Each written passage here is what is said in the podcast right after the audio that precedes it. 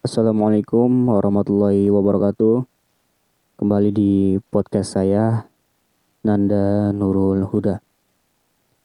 Kali ini kita memasuki episode yang kelima, yaitu kisah cinta kelima.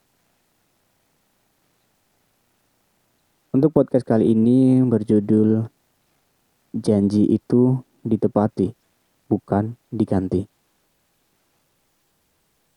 Podcast kali ini kita tidak sendirian. Kita akan menelpon narasumbernya langsung. Ini adalah teman saya dari kuliah. Lebih tepatnya kakak tingkat. Oke. Langsung saja kita dengarkan curhatannya. Kita telepon terlebih dahulu.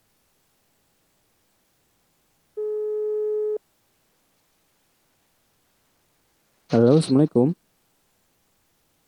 Waalaikumsalam. Uh, bisa perkenalan dulu, Kak? Oke. Okay. Uh, eh, Bismillahirrahmanirrahim. Uh, perkenalkan, nama saya Reni Puspitasari, asal dari Banjarnegara, dan sekarang sedang menempuh pendidikan S1 di IAIN Salatiga. Uh, kalau boleh tahu, Terima kasih. semester berapa ya, Kak? Oh, sekarang semester 4, Alhamdulillah, lagi berjalan ini, insya Allah. Uh, Alhamdulillah. Uh, sebelum ke materi ini, uh, seberapa sih kuat uh, Mbak Reni memahami tentang kata cinta itu? Uh, cinta itu seperti sesuatu yang itu tidak terlihat, namun bisa kita rasakan entah kehadirannya. Dan cinta itu uh, kalau kita maknai secara uh, pribadi cinta itu yang menghadirkan kebahagiaan bukan menghadirkan kekecewaan bukan malah menumbuhkan sifat sifat iri dan akhirnya malah cinta itu membuat sesuatu Karena cinta itu kan aslinya kan suci, fitrah yang begitu indah. Uh, kalau kita memaknai cinta gitu, itu sih kalau memaknai cinta yang sebenarnya gitu. Jadi putih, bersih, tulus, ikhlas gitu, ridho. Itu cinta. Oke, okay, uh, eh, teman-teman langsung kita dengarkan saja curhatan dari Mbak Reni tentang kisah cintanya.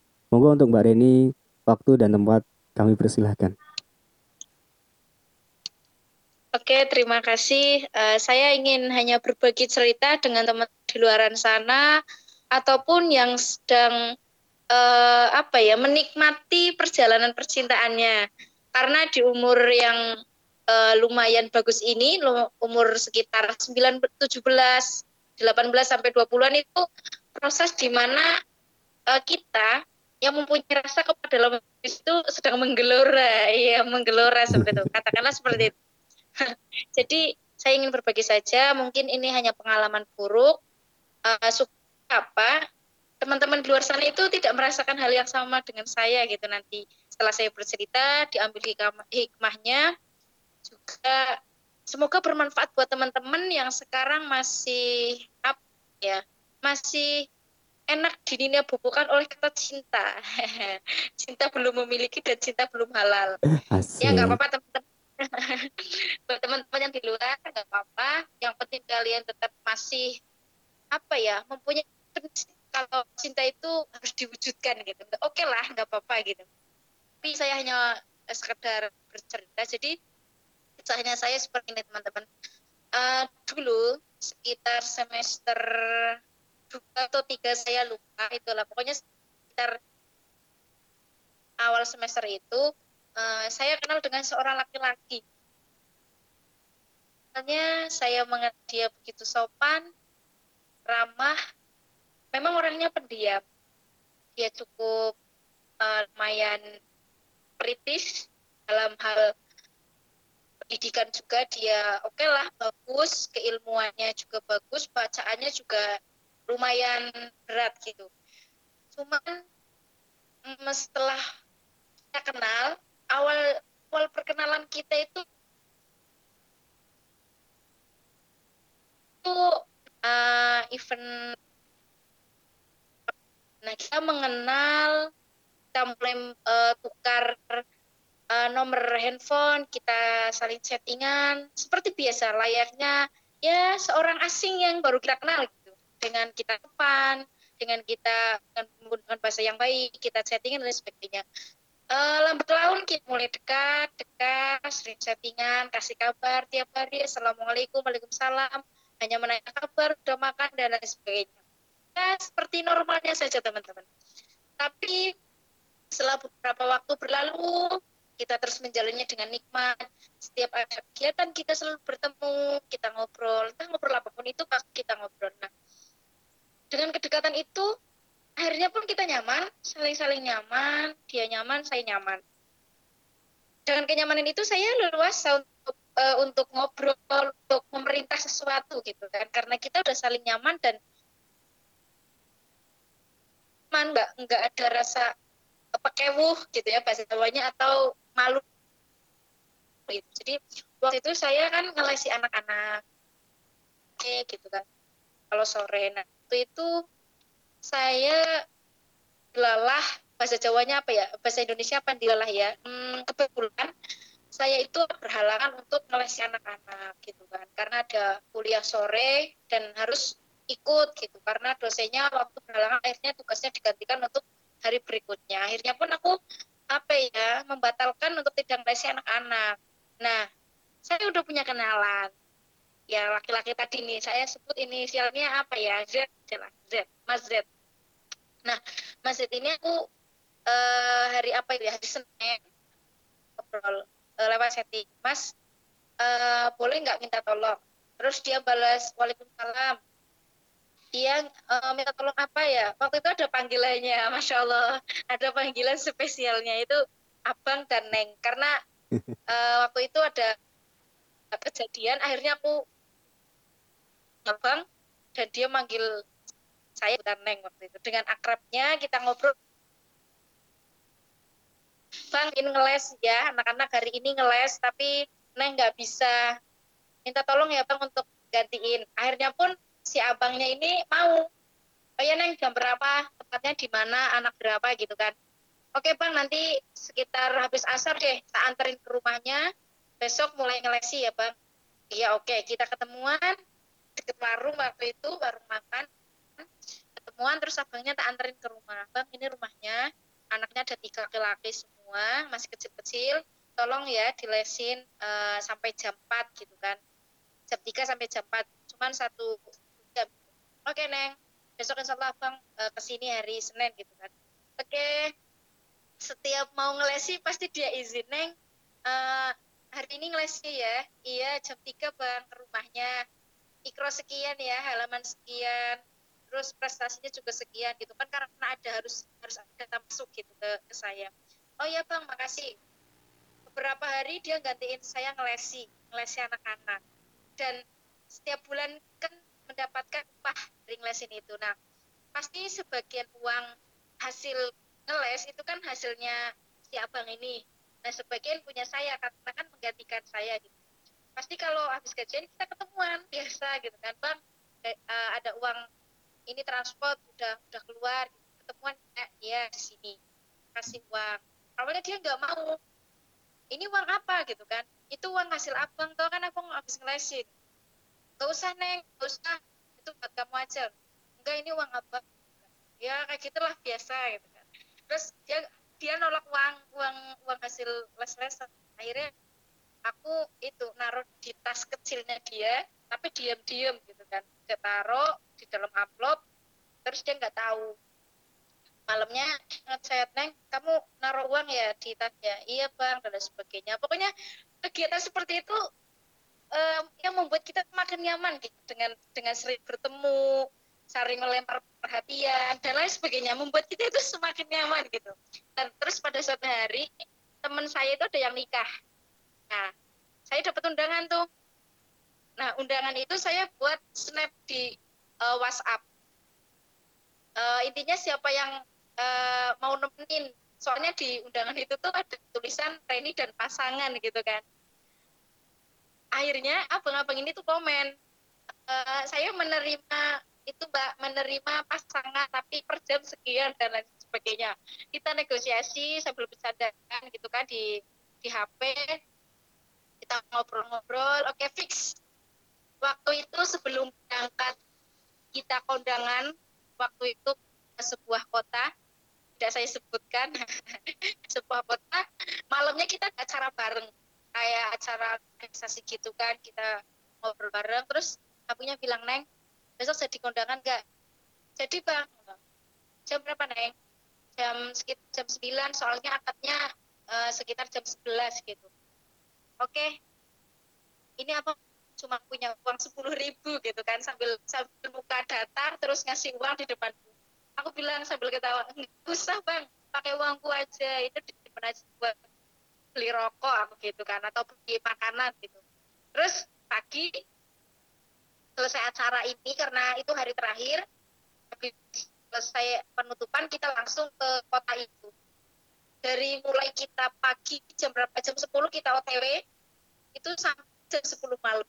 Nah di puncak ini yang membantu itu apa ya? Ya Allah teman-teman itu merasa aku tuh kayak udah punya milik dia dia milik aku gitu. Serasa ya Allah ini maksiat apa yang sedang dijalani tapi kami menikmati gitu kan. Dan itu sebuah kemaksiatan teman-teman. Karena kita ber, kita berjalan dua satu motor dengan perjalanan yang cukup jauh dan ada makromnya gitu teman-teman. Nah, pokoknya teman-teman bisa membayangkan gitu kan satu hari sampai malam kita berdua di jalan ngobrol tawa bareng. Nah pada waktu itu udah nyampe ke, tempat itu waktu kondangan terus melihat eh, orang-orang uh, lagi pada makan dan lain sebagainya. Nah setelah itu uh, kami duduk berdua dengan teman-teman lainnya. Nah, di situ tuh apa ya? Ada kesan yang sebenarnya itu nggak boleh nggak boleh kita omongkan sih, tapi ya nggak apa-apa lah bagi dengan kalian semuanya untuk pelajaran aja. Jadi jadi uh, di situ kami duduk dan melihat dua pengantin yang sedang ya menikmati hari pernikahannya. Nah, di situ hari kebahagiaan mereka, kita membayangkan berdua di situ, dengan kita duduk di situ dan lain sebagainya. Pokoknya itu ya Allah sangat apa ya di luar batas kita gitu kan sebagai uh, akhwat dan ikhwan gitu kan. Tapi waktu itu karena keadaan dan apa ya karena kita lalai gitu, kita lupa bahwa ini adalah sebuah kemaksiatan dan kita menikmatinya gitu. Kita pulang, sampai maghrib kita main ke rumah salah satu sahabat dari abangnya. Kita main di situ kita makan. Sampai kita itu mengenal satu sama lain kesukaan dan sesuatu yang tidak kami suka itu sampai hafal gitu. Neng kamu nggak suka ini, bang kamu nggak suka ini. Itu, itu sampai tahu gitu, sampai sedetail itu dengan perjalanan yang cukup jauh ini gitu. Kita ngobrol. Terus di tengah jalan aku aku tanya bang, uh, apakah hari ini nggak ada kegiatan gitu kan. Ada loh kenapa? Malah nih malah kegiatan itu ditinggalkan demi ngantar aku ke ke kondangan temen gitu. Ya adalah lah ini ngantar kamu satu harian. Lah di situ aku senyum dan aku nggak bisa ngomong apa-apa gitu kan karena aku bahagia gitu. Dengan kondisinya aku bahagia bocengan gitu. Ngobrol berdua merasa dekat gitu. Sampai malam jam 10 atau jam 11 kayaknya kita berhenti di uh, salah satu kabupaten yang di mana kalau malam itu ramai sekali gitu. Dan situ banyak-banyak makanan kita uh, apa ya pilih makanan untuk apa kita sudah merasa lapar gitu karena malam kondisi malam perjalanan jauh akhirnya kita berhenti kita beli bubur. Awalnya kita bingung mau beli apa. Aku tanya bang mau makan apa? Ayo terserah. Mau makan ayam atau mau makan nasi atau makan bakso dan lain sebagainya. Terus dia nggak mau semuanya. Terus aku bilang ya udah deh makan bubur aja. Akhirnya kita berhenti di tengah jalan pinggir jalan kok di tengah ya. Di pinggir jalan kita makan bubur berdua bubur kacang hijau dan kebiasaan eh, kebiasaan sedangkan uh, abangnya ini udah habis. Terus aku bilang bang aku nggak habis. Gimana? Dia dihabisin toh gitu kan. Dia bilang nggak mau lah udah udah kenyang gitu. Terus aku bilang abang yang habisin ya. Ya udah neng. Abang yang habisin terus dia ngabisin makanan. Sisa makananku dia makan. Coba maksudnya nggak jijik atau nggak apa dan itu membuat aku semakin percaya gitu. Oh dia menerima apa adanya gitu. Terus dia uh, karena dia orangnya agak introvert gitu kan nggak nggak suka ngobrol dan sebagainya tapi satu malam itu satu hari itu dia mau ngobrol gitu. Dia uh, mengeluh saya belum kerja udah mau lulus nanti mau gimana ke depannya apakah menerima dengan keadaan seperti ini. Jadi kan kayak dia itu memberikan harapan dan dan membuat aku tuh kayak oh gini ya berarti dia ada rasa kepercayaan terus kayak akhirnya aku berharap aku berharap awalnya aku berharap gitu teman-teman dengan obrolan seperti itu.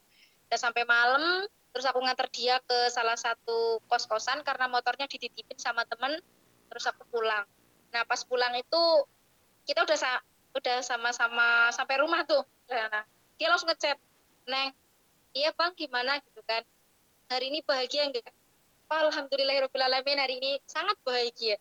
Terima kasih abang udah mau nganter, terus udah mau berbagi kisah, udah mau apa ya kita ngobrol kita sharing bareng gitu.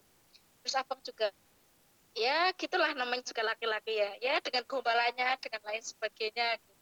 Pokoknya kalau lihat ceritanya sekarang itu ya gak cicik, cuman kayak ya Allah dulu seperti ini, sedekat ini gitu.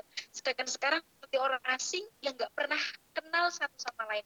Menyapa pun jarang chatnya juga jarang karena lagi bertemu gitu. Karena sudah sibuk dan ya gimana ya dia udah asik dengan dunianya aku juga udah mulai sedikit melupakannya gitu terus kita udah pulang hari kembali normal. Dia menggantikan karena aku juga ngajar di SD jadi waktu itu saya sakit akhirnya dia menggantikan. Aku kirim data-data anak siapa saja yang diajar, nama list-list nama anak-anak, serta ikro sampai ikro berapa gitu. Seperti biasa kita menjalinnya dengan nikmat dan uh, pada kesempatan malam itu nggak malam sore sore. Aku ada acara bareng salah satu organisasi juga. Nah di malam itu dia itu diam dingin nggak ada sapa nggak ada obrolan pun sama sekali udah nggak ada. Dan itu tanpa penjelasan gitu. Kenapa dia menghindar dan kenapa dia diam dingin seperti ini tuh nggak ada penjelasannya gitu. Dan waktu itu dia jadi pemateri. Lah, saya yang mengundangnya.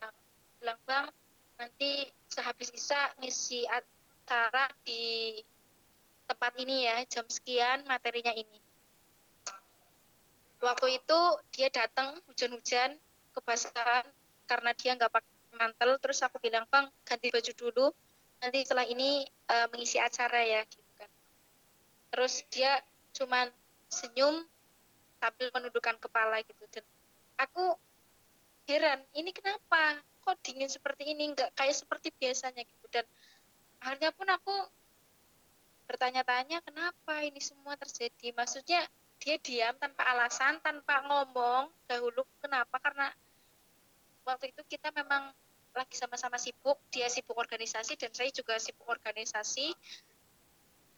Dan wah nggak tahu kenapa sampai sekarang dia hilang seperti orang asing tanpa ucapan tanpa kata karena waktu itu dia juga mau lagi apa mau nyusun skripsi dan lain sebagainya aku juga nggak tahu.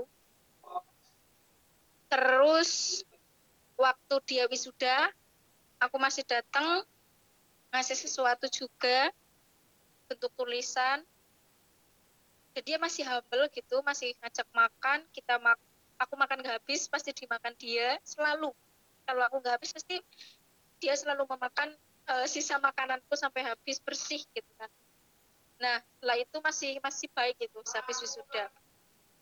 Terus hari berikutnya dia ngechat uh, yang sangat menyedihkan dan membuat saya itu kayak stres. Itu baru pertama pertama kali saya itu merasa stres dengan seorang laki-laki yang membuat saya nyaman gitu. Dan dia ngechat terang dengan kata-kata uh, assalamualaikum udah nggak panggil udah nggak panggil leng cuma panggilan nama biasa. Assalamualaikum Reni. Uh, mohon maaf saya mau serius dengan ini. Astagfirullahaladzim dengan ini sedia insya Allah dan kamu silahkan melanjutkan perjuanganmu. Dan di situ kayak ya Allah kayak ini tamparan bagi saya. Ya Allah saya sudah berharap lebih dan akhirnya malah ternyata dia di belakang punya cewek gitu. Dan ceweknya itu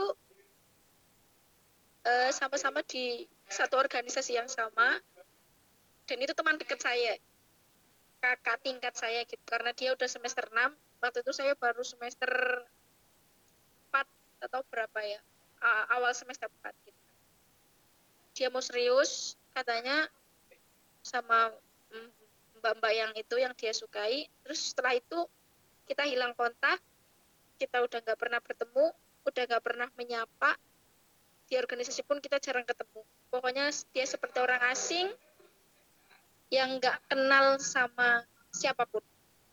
Dan dingin seperti awal sikapnya yaitu dingin biasa nggak ada omongan apa pun dan ah, akhirnya seperti ini teman-teman jadi buat teman-teman di luar sana jangan sampai kalian berharap lebih kepada manusia. Karena kalau kita berharap lebih, itu endingnya sakit teman-teman.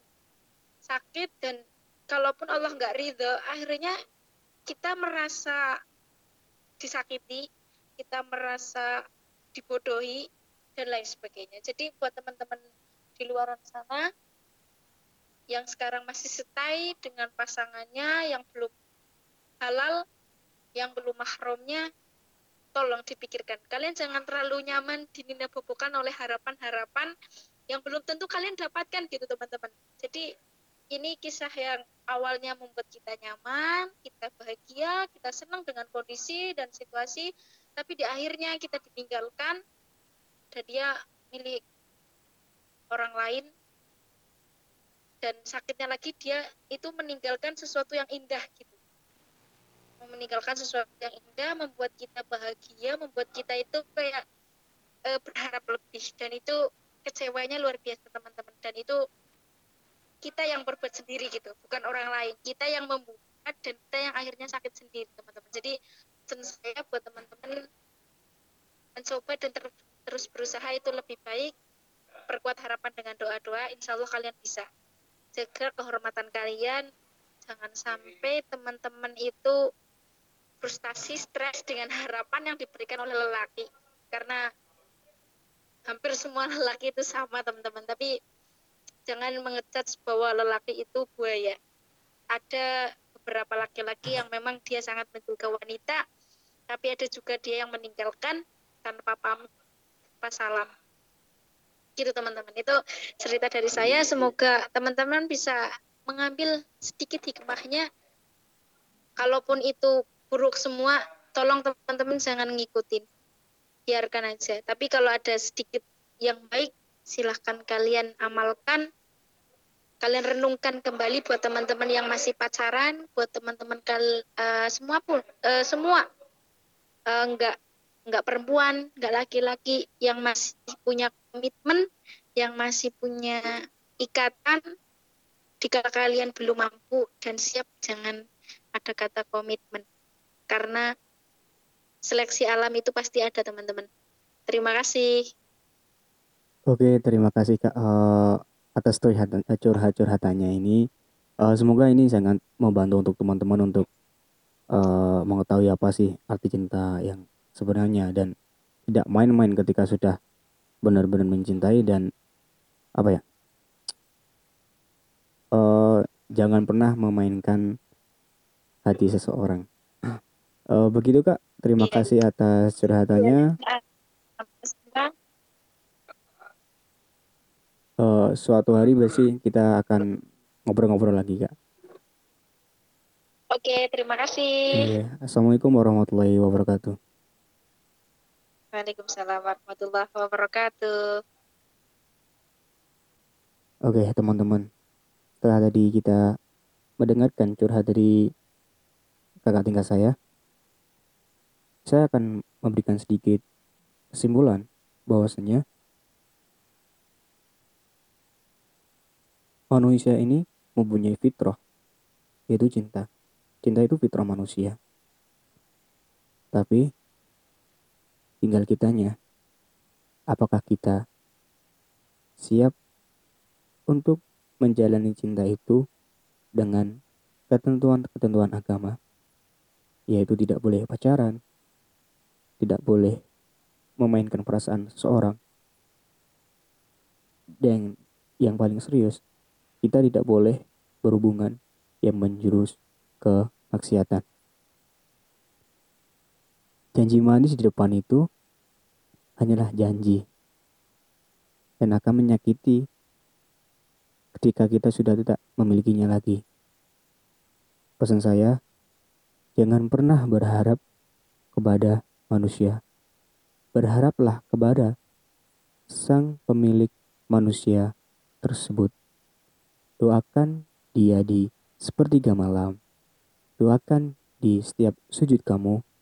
Insya Allah, Allah adalah Tuhan yang maha membolak-balikan hati hambanya. Itulah podcast kali ini, kisah cinta yang kelima. Terima kasih dan sampai jumpa di podcast-podcast lainnya. Saya Nanda Nurul Huda pamit undur diri. Wassalamualaikum warahmatullahi wabarakatuh.